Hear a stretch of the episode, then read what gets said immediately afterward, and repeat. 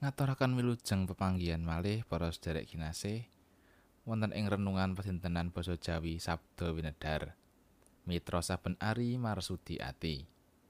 Mugi-mugi kita sedaya tansah wonten ing pangayomanipun Gusti lan tansah pinaringan karahayon.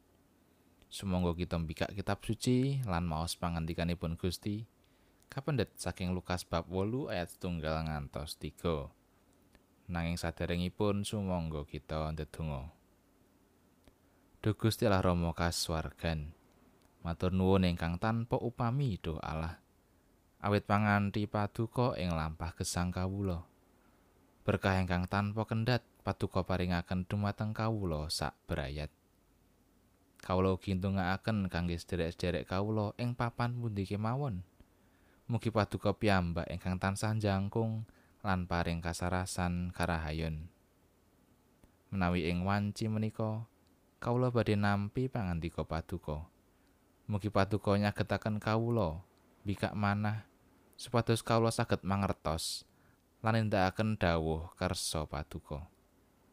Matur nuwun Gusti. Wonten ing Gusti Yesus Kristus, Gusti kawula ingkang sedo sinalip lan kawungaken nebus dosa-dosa kawula. Kawula sampun ndedonga. Amin.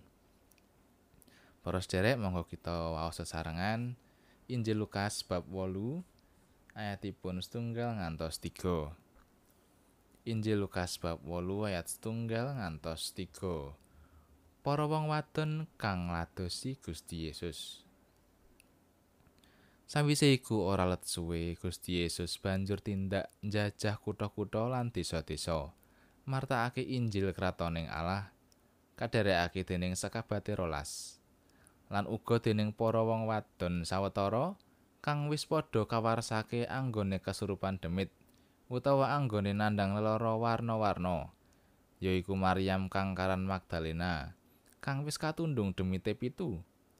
Yohana somae Huza juru gedonge Sang Prabu Herodes Susana lan liyane maneh isih akeh Wong-wong wadon iki padha ngladeni Gusti sapandereke kelawan barang darbeke. Mangkatan pangandikanipun Gusti, ira-iraan renungan dinten menika nggih menika leladi kanthi tulus. Ayat nas inggih menika ayat 3b. Wong-wong wadon iki padha ngladeni Gusti sapandereke kelawan barang darbeke. Menapa wanita menika mboten kepareng nderek ing peladosan kagem Gusti Allah? Temtu kemawon pareng. Gusti Allah ingkang Maha Asih lan tresna mboten nate mbeda-bedakaken para kagunganipun. Sedaya tiyang menika sami wonten ngarsanipun Gusti Allah. Ing salebeting maringaken kanugrahan lan kaprigelan, Gusti Allah mboten nate pilih-pilih. Menika nedahaken pilih Gusti Allah kersa ngagem sinten kemawon dados mitranipun ngayahi pakaryan-pakaryan ingkang mulya sauger ingkang kaagem hangga dai manah ingkang tulus ikhlas lan karenan ing ngarsanipun. Nalika Gusti Yesus nindakaken pakaryanipun ing jagat menika, wonten para wanita ingkang nderekaken tindakipun kadosta Maria Magdalena, Yohana semaipun Huza juru gedongipun Sang Prabu Herodes, Susana lan sanes sanesipun. Dados saking wawasan menika kita manggihaken bilih ingkang nderekaken Gusti Yesus ing salebeting peladosanipun menika mboten namung sekabat kalih welas ingkang sedayanipun jaler nanging ugi wonten para wanita. Lajeng menapa? Ingkang jalari tiang-tiang menika sami purun nderekaken Gusti Yesus ing salebeting pakaryan-pakaryanipun.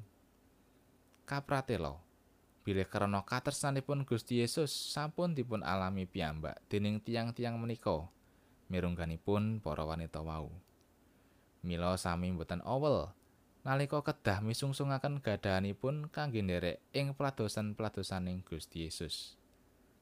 Anggenipun misungsungaken gesang lan gadahanipun menika minangka wujuding syukur kunjuk dhateng Gusti Allah. Nalika ngrumaosi lan saged ngraosaken katresnan sarta sih nugrahaning Gusti Allah, tiang badhe kaberek ngladosi Gusti Allah kanthi sawetahing gesangipun. Manah badhe tansah makantar-kantar sumedya tansah leladi sumangga sami bangun greng sanging leladi kagem Gusti Allah awit sih katersanipun sampun kita tampi. Sampun ngantos kendo awit rumaos alit lan ringkih. Gusti Yesus ugi kersa nimbali para wanita ingkang nalika semanten kaanggep alit lan ringkih. Amin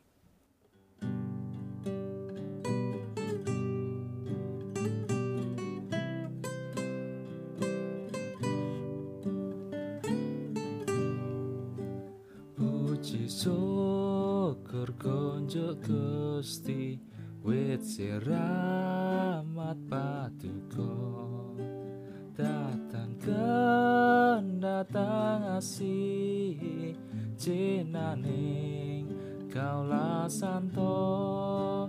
Syukur paringing pakaryan nadyan batan boringke syukur dene kadang mitra dan saan nandokan sih